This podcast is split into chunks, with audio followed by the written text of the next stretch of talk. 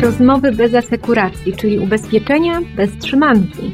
Zaprasza Aleksandra Wysocka. Dlaczego biznes ubezpieczeniowy przypomina czasem zimową wspinaczkę wysokogórską? O tym i nie tylko o tym opowiada mi człowiek roku ubezpieczeń 2021, czyli Igor Rusinowski, prezes Unilink. Gratuluję po pierwsze, bo nagrodę sami ci przyznaliśmy, ale odzew jest jakiś rekordowy i prawdę mówiąc nie mam skargi, zażaleń, tylko ileś telefonów już no, że dobry wybór, że naprawdę to jest właściwa osoba. I chciałam, żebyśmy dzisiaj podsumowali, co się wydarzyło w Unilinku w ubiegłym roku, no i przeszli płynnie do tego, dokąd wy, lider rynku, tutaj wzór trochę dla innych i inspiracja, dokąd teraz idziecie, jakie widzicie możliwości, jakie zagrożenia. No ale najpierw troszkę popatrzmy, jak będziecie wspominać ten rok 2021, największe sukcesy, no i największe wyzwania. Ja przede wszystkim chciałem podziękować serdecznie Gazecie Ubezpieczeniowej za to wyróżnienie, bo przyznam się, że nie spodziewałem się, gdzieś tam nie liczyłem na to, patrząc też na to grono laureatów, którzy wcześniej zostali wyróżnieni tym tytułem. Gdzieś tam właściwie nigdy nie myślałem, że coś takiego mnie spotka, także jest mi bardzo miło, zwłaszcza na początek roku. To jest taka fajna rzecz, która dodaje, powiem, dużo wiatru w żagle, a faktycznie liczba tych komentarzy też na moim gdzieś tam osobistym LinkedIn czy Facebooku była bardzo duża i wszystkie były takie no bardzo ciepłe nawet od konkurencji. Wydaje mi się, że to chyba pokazuje, że gdzieś tam rynek widzi to, co robimy i po prostu tak zupełnie obiektywnie, jeżeli nawet koledzy z konkurencji gratulują, to znaczy, że gdzieś tam się zgadzają z tym, że te osiągnięcia na jakieś tam zauważenie zasłużyły. Także na pewno to jest bardzo fajne dla firmy, bo zawsze podkreślam, że to jest oczywiście nagroda indywidualna, to jest praca zespołowa. I przechodząc do tej pracy zespołowej, to wydaje mi się, że zapytała się największe sukcesy, w ogóle o ten zeszły rok, 21, jaki on był, jakie były nasze największe sukcesy.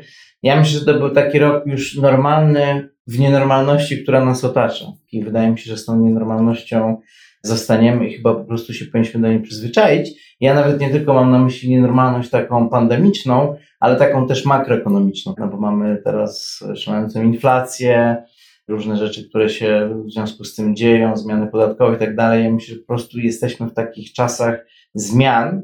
Ta pandemia jest jedną ze zmian, te rzeczy makroekonomiczne drugą ze zmian. I ja myślę, że chyba to jest tak, że po prostu to jest trochę tak, że w tych trudnych warunkach hartują się silni ludzie i silne firmy.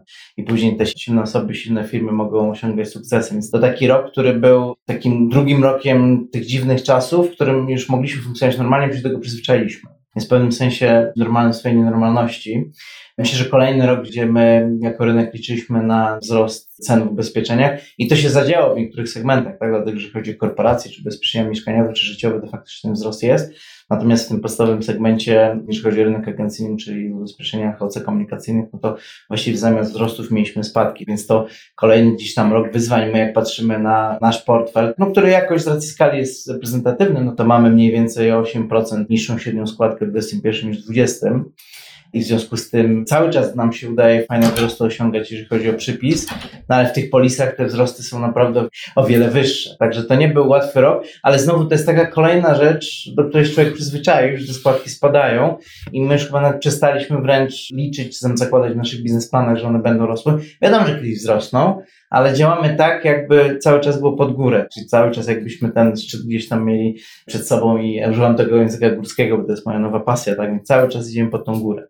Ale myślę sobie, że ci, którym się udaje mimo wszystko osiągnąć fajne wyniki i sukcesy w takich czasach, to myślę, są te firmy, które w długim okresie właśnie będą zwyciężać. Jeśli chodzi o nas, no to ja myślę, że to był taki rok, gdzie po raz kolejny pokazaliśmy to, że jesteśmy unikalnym dystrybutorem, dlatego że robimy rzeczy no, bardzo nietypowe i chyba takie, z którymi się mogą się zmierzyć tylko nieliczni. Począwszy od takich rzeczy bardzo organicznych, to przede wszystkim udało się nam powiększyć naszą sieć partnerów, którzy pracują pod naszą marką, czyli ten program UniPartner. Rok zamknęliśmy wynikiem niemalże tysiąca placówek, które funkcjonują pod marką Unilinki. W ciągu ubiegłego tylko roku ta grupa wzrosła 300, czyli to jest 25 partnerów miesięcznie, czy właściwie można powiedzieć, że codziennie dołącza do nas nowy Unipartner, tak? My jesteśmy trochę tak, już raz byłem skarcony, ale przez plus biznesu za użycie porównania do branży handlu detalicznego, ale już żyję, bo Dino w zeszłym roku też otworzyło już tam 300, chyba 50 sklepów, więc oni mówią, codziennie otwierają sklep, no to my w zeszłym roku udało się nam witać na naszym pokładzie nowego partnera, który pracuje pod marką Link. Czasami są nowe placówki zupełnie, ale przede wszystkim to są, że tak powiem, odświeżone obecne. Także to jest pierwsza rzecz, z której się bardzo cieszymy. Druga rzecz, której się bardzo cieszymy, to na pewno jest to, że wdrożyliśmy szereg fajnych rozwiązań, które w tych ciężkich cały czas czasach agentom ułatwiają życie. Wdrożyliśmy w ogóle szereg robotów w naszych procesach. Ja myślałem kiedyś, że robot to jest takie urządzenie fizyczne jak z Gwiezdnych Wojen, ale robot de facto to jest program, który coś robi, coś automatyzuje i parę takich, kilkanaście w chwili robotów wdrożyliśmy. Agenci tego nie widzą, ale są rzeczy, które upraszczają procesy rozliczeń, na przykład składki, czy tam prowizji, czy wyjaśnienia tam błędów itd., tak itd. Tak to jest bardzo fajne. Kolejna rzecz taka procesowa, nieduża, ale taka praktyczna, UniPay, czyli wdrożyliśmy taki swój własny autorski system przyjmowania płatności terminalami, czy takie jest TubaPay. No to my mamy UniPay, też zaczęliśmy od współpracy z TubaPayem, kiedyś raz stwierdziliśmy, że przy naszej skali chcemy mieć coś swojego. No i wspólnie z bankiem z ING stworzyliśmy właśnie taki system, gdzie agent przyjmując składkę terminalem, to są najnowocześniejsze w ogóle terminale, mają od razu rozliczoną, bez żadnych kosztów transakcyjnych. Także uważam, że to jest super rzecz, którą będziemy bardzo promować. No kolejna rzecz to nowe towarzystwa w naszej ofercie. Tutaj myślę, że na uwagę przede wszystkim, tak jak zwrócić uwagę, zasługuje WeFox, bo to jest taka, wydaje mi się, nowość na rynku polskim, gdzie nasza spółka należąca do naszej grupy, czyli Unex, zajmuje się całościową obsługą ubezpieczyciela. No zresztą Unex w tej chwili już zaraz będzie ogłaszał, więc nowych klientów wśród obecnych funkcjonujących już towarzystw, którym będzie wykonywał, bo my chcemy jako Unilink nie tylko zajmować się dystrybucją, ale też obsługą towarzystw y, w innych procesach, tak? Czyli obsługa klienta, likwidacja szkód i tak dalej, tak dalej. Także myślę, że WeFox jest bardzo taki fajny przykład tego, w jakim kierunku się chcemy rozwijać, szukając gdzieś tych możliwości poza taką klasyczną sprzedażą ubezpieczeń. Ja myślę sobie, że towarzystwo samo w sobie jest fajne, no bo gdzieś tam jest tym takim pierwszym chyba ubezpieczeniowym, jak się nazywa, unicornem europejskim, tak, czy firmą, która osiągnęła cenę powyżej miliarda dolarów, także myślę, że można się od nich sporo nauczyć i fajnie, że ktoś taki się pojawia, no my też po tych doświadczeniach wcześniejszych bardzo jesteśmy skrupulatni, jeśli chodzi o wybór partnerów, dlatego też WeFox działa w Polsce w formie oddziału, który jednak ma jakąś tam kuratelę ze strony KNF-u i tak dalej, i tak dalej. Kolejna rzecz to jest ta właśnie też wyróżniona przez nas Olimpiada Ubezpieczeniowa. Ja uważam, to też jest taka fajna rzecz, gdzie bo fajnie, no bo spora część agentów, która się zgłosiła do Olimpiady, to byli agenci naszej konkurencji. No i nikt nie ma z tym problemu, bo wydaje mi się to takie obiektywnie dla rynku fajne wydarzenie. Zresztą w tym roku też będziemy to organizować, myślę, że w takiej ciekawszej formule bo ja uważam, że właśnie zawód agenta czy biznes agenta no, powinien być też postrzegany jako swoją misję promowany, że to, bo często to się kojarzy, że gdzieś tam jest jakaś placówka, w której ktoś siedzi, że tak powiem, przysypany tymi papierzyskami i tak dalej, i tak. Natomiast to są ludzie, no jak ta nasza olimpiada pokazała, którzy mają niesamowitą wręcz wiedzę na temat i produktów, i procedur, i przepisów i tak dalej, i tak dalej. No i chcemy promować właśnie zawód agenta jako zawód takiego zaufania publicznego. Są osoby, które mają no, niesamowitą wiedzę i umiejętności. Także to jest fajna rzecz. Zresztą ten skrót też OWU fajnie też się wkomponował w ubezpieczenia. No i kolejny obszar na pewno, który chciałbym poruszyć, to są akwizycje. Tutaj przede wszystkim za granicę, bo akurat się w 2021 roku zdarzyło tak, że mieliśmy formalne zamknięcie tej naszej pierwszej transakcji zagranicznej, czyli akwizycji firmy w Bułgarii, którą kupiliśmy pod koniec 2020 roku, no ale zamknięcie po tam zgodzie od odpowiednika Łokiku spłynęło w styczniu. No i też nam się udało dokonać tej transakcji w Rumunii, tak, biznes, który działa w Rumunii, w Mołdawii, także można powiedzieć, że 21 rok, no to mamy dwie zagraniczne akwizycje, z czego jesteśmy bardzo dumni, bo ja z kolei też, mówiąc o takich rzeczach, wydaje mi się, że obiektywnie fajnych, uważam, że jest za mało polskich firm, które mają aspiracje, ale też je realizują bycia takimi regionalnymi czempionami, dlatego że ja uważam, że naprawdę polskie firmy po tych 30 latach transformacji my mamy masę doświadczenia, myśmy naprawdę dużo ciekawych modeli biznesowych zbudowali. To były bardzo turbulentne czasy w Polsce i uważam, że te doświadczenia, które mamy, są mega, mega pomocne w przenoszeniu właśnie do innych krajów i uważam, że jest za mało takich polskich firm, które działają międzynarodowo i ja jestem osobiście z tego bardzo dumny, że my jako Unilink jesteśmy taką pierwszą firmą z tego rynku dystrybucji, która się tym zajmuje i będę też o tym 2022 roku mówił, bo to gdzieś tam też jest kierunek, który będziemy silnie podążać. No oczywiście też mieliśmy szereg wizji w Polsce, myślę, że tam o tym się coraz mniej już mówi, bo jesteśmy znani z tego, że je robimy. Aczkolwiek 21 rok, powiedziałbym, to był rok bardzo obfity, właściwie rekordowy dla nas, jeżeli chodzi o liczbę transakcji takich małych czyli film, które mają kilka placówek, czy tam nawet jedną, o których się może mniej mówi, ale one są dla nas bardzo cenne i bardzo to lubimy robić. No i chyba taka kolejna rzecz, o której bym powiedział, no to jest to, że cały czas rozwijamy nasze IT, bo my właściwie W tej chwili mamy dział IT wewnętrzny, który zajmuje się wszystkimi projektami, które realizujemy. My praktycznie w bardzo małym stopniu, właściwie w ogóle, tak, zaraz nie korzystamy z usług zewnętrznych, dlatego że uznaliśmy, że na IT jest taki obszar, gdzie tak istotny naszej działalności, że nie możemy tego mieć na zewnątrz. No i naprawdę dużo fajnych się udało projektów zrealizować, właśnie to zawsze mówię, w służbie agenta, tak? Czyli rzeczy, które gdzieś tam usprawniają pracę, to jest cały czas rozwój tego naszego korowego systemu, czyli połączenia porównywarki z agenta z CRM-em, z aplikacją mobilną, no bardzo dużo rzeczy, co myślę, że jest sukcesem, zwłaszcza w tych czasach, gdzie jest tak niesamowite ssanie na programistów, na informatyków, że zarówno kogoś nowego do zespołu zrekrutować, jak i utrzymać jest bardzo ciężko. No to dzisiaj właściwie wszystkie firmy z, ze wszystkich branż potrzebują informatyków, no jest ich bardzo mało. Co ciekawe, z tym samym się mierzymy też w Bułgarii czy tam w Rumunii, gdzie jest dokładnie to samo. Kiedyś by się wydawało, że tam mniej zarabiają ci ludzie, ale dzisiaj jest tak, że też pandemia spowodowała, że właściwie programista, który nie wiem, jest w Rumunii czy w Bułgarii czy w Polsce, Pracuję często dla klientów ze Stanów czy tam z Japonii, w związku z tym tych zarobki właściwie nie mają powodu być niższe, nie wiem, w Bułgarii niż w Niemczech, no bo to są ci sami ludzie, którzy pracują dla tych samych klientów. Więc dlatego ja uważam, że te wszystkie rzeczy, które nam się udaje robić, jeżeli chodzi o IT i o procesy, są w tych czasach mega dużym sukcesem, no po prostu jest mało na rynku osób. No i tak chyba bym ten ubiegły rok podsumował i chyba też to, że w tych czasach, tak na koniec taką klamną, że w tych czasach spadających składek i cały czas gdzieś tam tych wyzwań pandemicznych, że wydaje nam się jak na naszą skalę osiągać dwucyfrowe wzrosty przypisu, tak, i polis tak dalej. Myślę, że to jest duży sukces, bo składki, tak jak mówię, średnia składka nam spadła 8%, więc żeby, że tak powiem, urosnąć cokolwiek, no to trzeba było tych polis sprzedać istotnie więcej, to żeby mieć dwucyfrowy wzrost, no to jeszcze więcej. Więc tam generalnie z tego jesteśmy bardzo dumni. Chyba to, czego zacząłem naszą rozmowę, czyli od tego, że, że to jest praca zespołowa, to chyba właśnie tak jak sobie myślę też miałem sporo przemyśleń po tym wyróżnieniu, które otrzymałem od Gazety Ubezpieczeniowych, bo takie główne było, że chyba główna rzecz, z której jestem dumny, to to, że udało się w Unii zbudować zespół naprawdę wspaniałych ludzi, bo tak jak w uzasadnieniu tego wyróżnienia, właśnie jak spojrzałem na nie, to szereg tych rzeczy to były projekty, które właściwie, do których ja osobiście, jako ja, bardzo mało tam swojej ręki czy swojej głowy przyłożyłem. To były wszystkie rzeczy zrobione gdzieś przez zespół i z tego chyba jestem najbardziej tak historycznie dumny. A propos roku 21, to myślę, że taka rzecz, która też jest naszym sukcesem początkowym, to też jest to, że zaczynamy uczyć się wzajemnie między tymi naszymi różnymi biznesami w różnych krajach. I uważam, to jest właśnie bardzo fajne, że o ile w Polsce my dość blisko jesteśmy wzajemni siebie, jeżeli chodzi o konkurencję, widzimy, co jedna firma robi, można się na tym uczyć i tak dalej, tak dalej, rozwijać, o tyle kompletnie nie wiemy, co robią firmy w innych krajach. I taka moja obserwacja, że nam się oczywiście wydaje, że o, tam taka dystrybutor w Bułgarii w Rumunii, to jest jakiś tam trzeci świat, nic bardziej mylnego. Często to są ludzie, którzy te firmy też prowadzą, tak jak ten nasz w Bułgarii biznes w 1994 roku. No, prowadzi go człowiek, który 27 lat tę firmę prowadzi. Jest szereg rzeczy, które oni po drodze wymyślili, z których my będziemy mogli skorzystać i w drugą stronę też. Ja też w ogóle długoterminowo upatruję dużej szansy właśnie dla Unilink jako grupy w tym, właśnie wymiana doświadczeń pomiędzy różnymi krajami. I przykładem tego jest Corpo, gdzie właśnie zarówno w Rumunii, jak i Bułgarii ten biznes w segmencie korporacyjnym mamy o wiele bardziej rozwinięty niż w Polsce. No w Polsce zaczynaliśmy od detalu, a oni tam paradoksalnie zaczynali od biznesu właśnie korporacyjnego i to chcemy bardzo mocno rozwijać.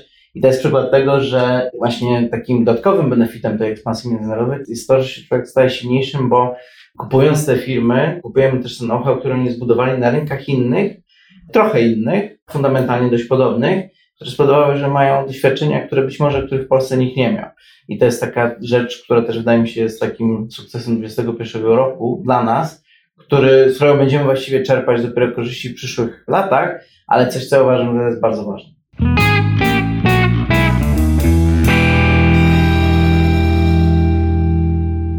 Bardzo mi się podoba ta Twoja metafora turystyki zimowej, górskiej, górskiej gdzie potrzebna jest i odwaga, tak, i odporność, i dobry ekwipunek, i dobry zespół, i rozsądek, bo jak gdzieś zabraknie w którymkolwiek tak. z tych obszarów no, jakichś punktów, no to można skończyć gdzieś tam przez gopcze. W cichej dolinie, jak mówią przewodnicy. Tak, tak, czy właśnie wymagać ratunku. No a tutaj nie dość, że nie mamy potrzeby interwencji, mamy jeszcze zdobywanie kolejnych szczytów, w tych niełatwych warunkach atmosferyczno-rynkowych, więc tym bardziej gratuluję. No ale już przechodzimy do tych kolejnych wyzwań i naszych mniejszych, większych Monteverestów, Mont Blanców i innych lokalnych świnic, bo zdaje się, że to było Twój tak. ostatni cel. Więc co będziecie robić w 2022 roku? Co będziecie kontynuować, a może będzie gdzieś jakiś zwrot akcji? Czy coś możesz zdradzić? Bo wiem, że te karty przy orderach trzymasz. No tak, tak. Natomiast myślę, że chodzi o kierunki, no to jeśli chodzi o nowe rzeczy, mm, tak nowe, nowe, no to na pewno będziemy wprowadzać Unexta za granicę, tak? Czyli tam, gdzie kupujemy, bo to jest nasza strategia, że kupując biznesy dystrybucyjne w danym kraju, też chcemy tam Unexta ze swoją zdolnością pracy z ubezpieczycielami obecnymi czy nowymi, że tak powiem, umieszczać po to, żeby w każdym kraju, w którym funkcjonujemy, być obecny nie tylko jako dystrybutor, ale również jako firma, która świadczy dodatkowe usługi dla ubezpieczycieli. No i dzisiaj najbardziej jesteśmy zaawansowani w Rumunii, dlatego że tam po upadku tego największego ubezpieczyciela City Insurance, no tam się pojawiła duża przestrzeń na rynku. No i w tej chwili tam pracujemy nad wprowadzeniem kilku ubezpieczycieli, bo tam jest po prostu też mało firm ubezpieczeniowych. Dzisiaj w tej polskiej grupie dziesiątej, czyli w OC, tam jest pięć firm, które mają licencję w Rumunii, a Rumunia to jest raptem połowa Polski, więc tam jak dżdżu ten rynek potrzebuje nowych firm. No i to będzie taka nowa rzecz, czyli nie tylko będziemy kontynuowali przejmowanie firm za granicą, a również Unex będzie podążał za Unilinkiem, czyli tam, gdzie jest Unilink, w tej chwili oprócz Polski to jest Bułgaria, Rumunia i Mołdawia, będziemy również obecni jako taki partner outsourcingowy dla towarzystw, zarówno istniejących, jak i dla nowych, no bo wiadomo, że tych nowych zawsze łatwiej jest na taką kompleksową usługę namówić, no dlatego, że no tak jak w Polsce, znaczy, nie wiem, duża firma ubezpieczenia w Polsce, nie wymieniając nas, która jest duża, tak, i ma swoje procesy, systemy i tak dalej, coś nam przekaże, no to ciężej sobie wyobrazić niż firma, która dopiero wchodzi.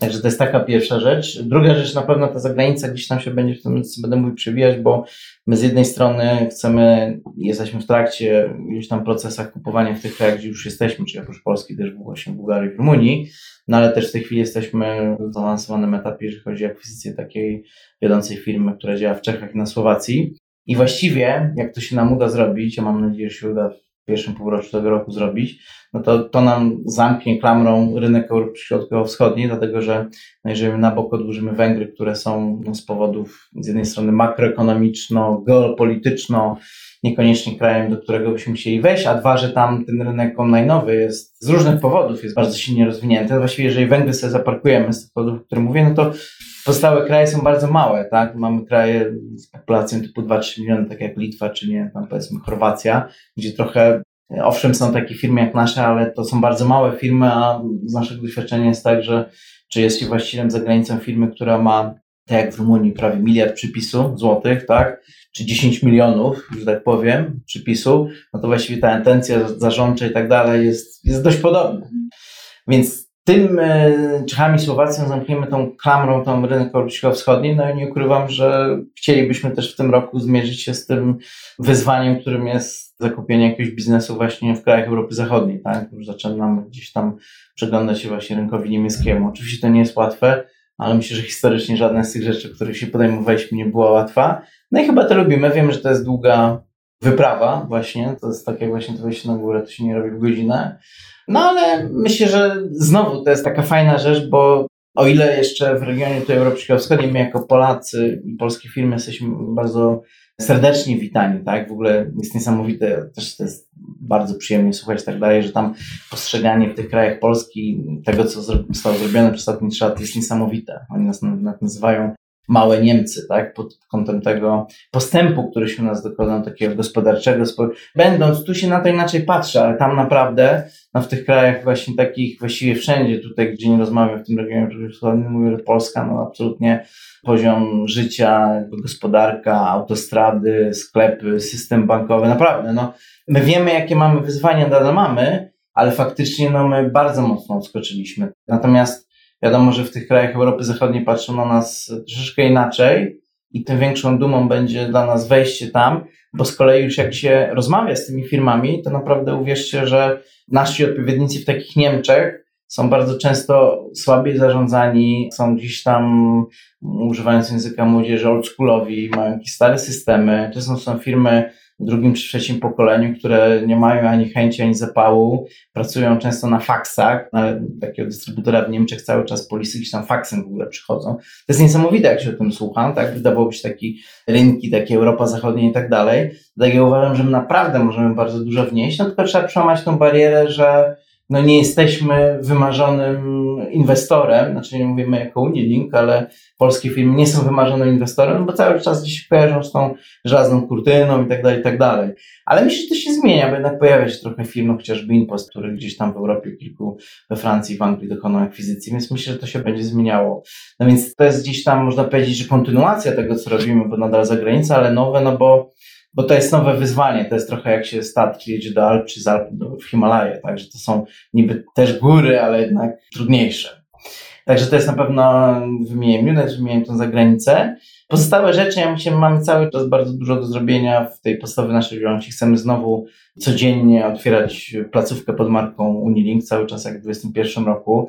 Chcemy kontynuować te wszystkie fajne rzeczy, które robiliśmy w zeszłym roku, czyli też takie te w warstwie takiej, nazwijmy to społecznej, czyli ta olimpiada nasza, sponsoring Polskiej Ligi Świadkówki. No i w warstwie takiej właśnie marketingowej, no to w tym roku też gdzieś tam antycypując, bo to wszyscy mówią, o składki pójdą do góry, ja jestem dość sceptyczny w tym obszarze, znowu jeżeli chodzi o 22 rok, tak, może pod koniec roku, no to chcemy właśnie wesprzeć agentów taką silną kampanią reklamową, którą będziemy realizować w tym roku. Nie chcę zdradzać szczegółów, żeby nasi czujni konkurenci zbyt szybko o tym się nie dowiedzieli, ale to będzie na pewno rok taki marketingowo do nas bardzo ważny. I coś jeszcze mogę powiedzieć? No szereg cały czas mamy projektów informatycznych, będziemy właśnie wdrażać aplikację, która łączy klienta z agentem.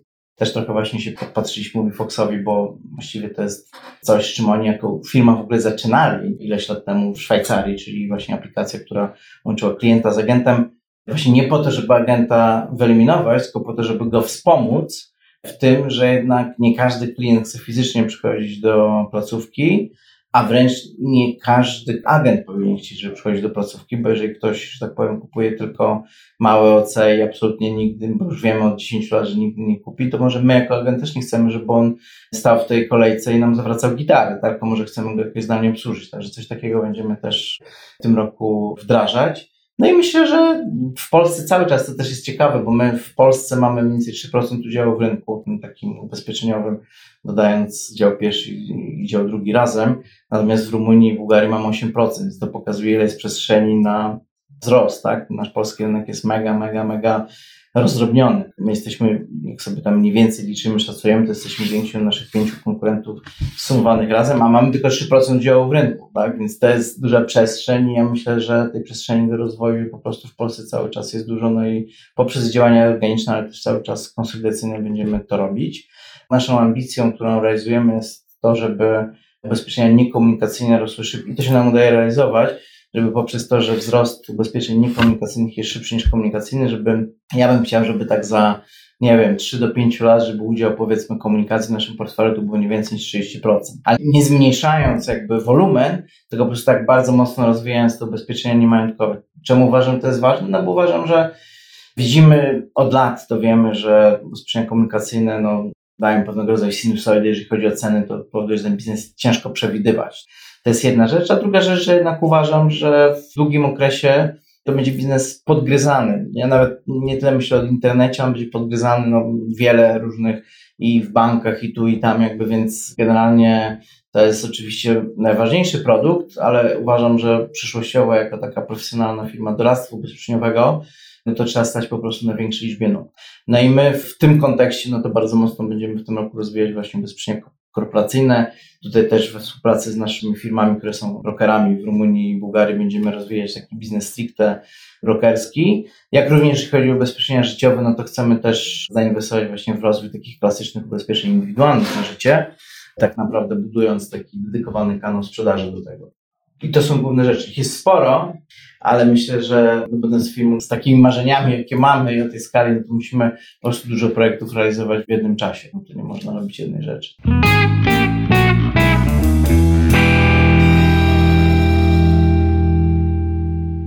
No to ambitnie, będzie ciekawie, będzie o czym pisać, co też tutaj prasa zawsze cieszy. Na koniec Cię, Igor, zapytam, bo wiem, że publika, szczególnie konkurencja na to czeka, ale może było coś, co Wam nie wyszło? Chociaż jedna mhm. rzecz.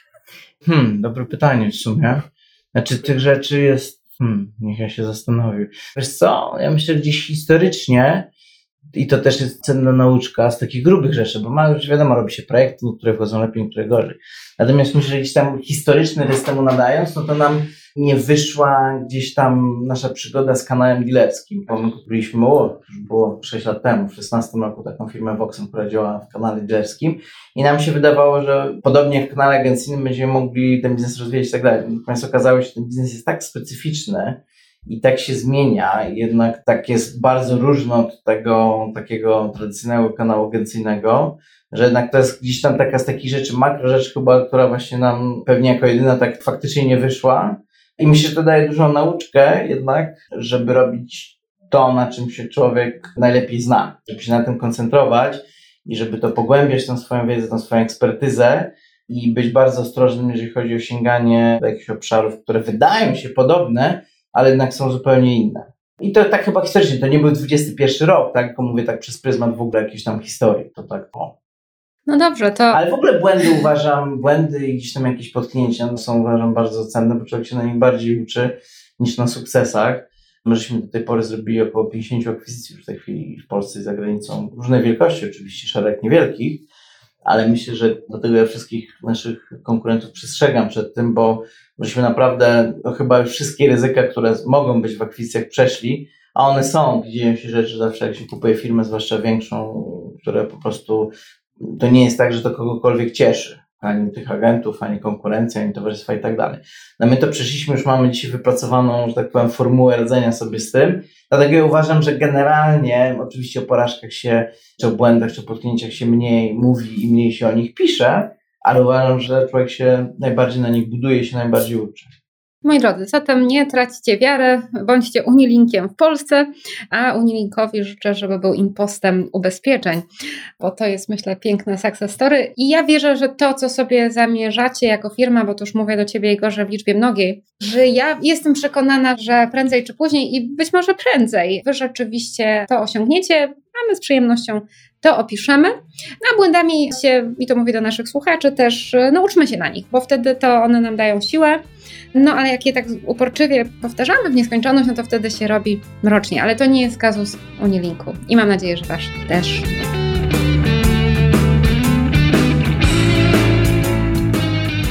Ten podcast zaczął się od metafory spinaczki wysokogórskiej. No i życzę Wam, żebyście te własne szlaki w tych niełatwych, ale dających wiele satysfakcji okolicznościach znajdowali, żebyście podróżowali bezpiecznie i mieli nie jeden powód do dumy i zadowolenia. Do usłyszenia w kolejnym odcinku podcastu ubezpieczeniowego Rozmowy bez asekuracji.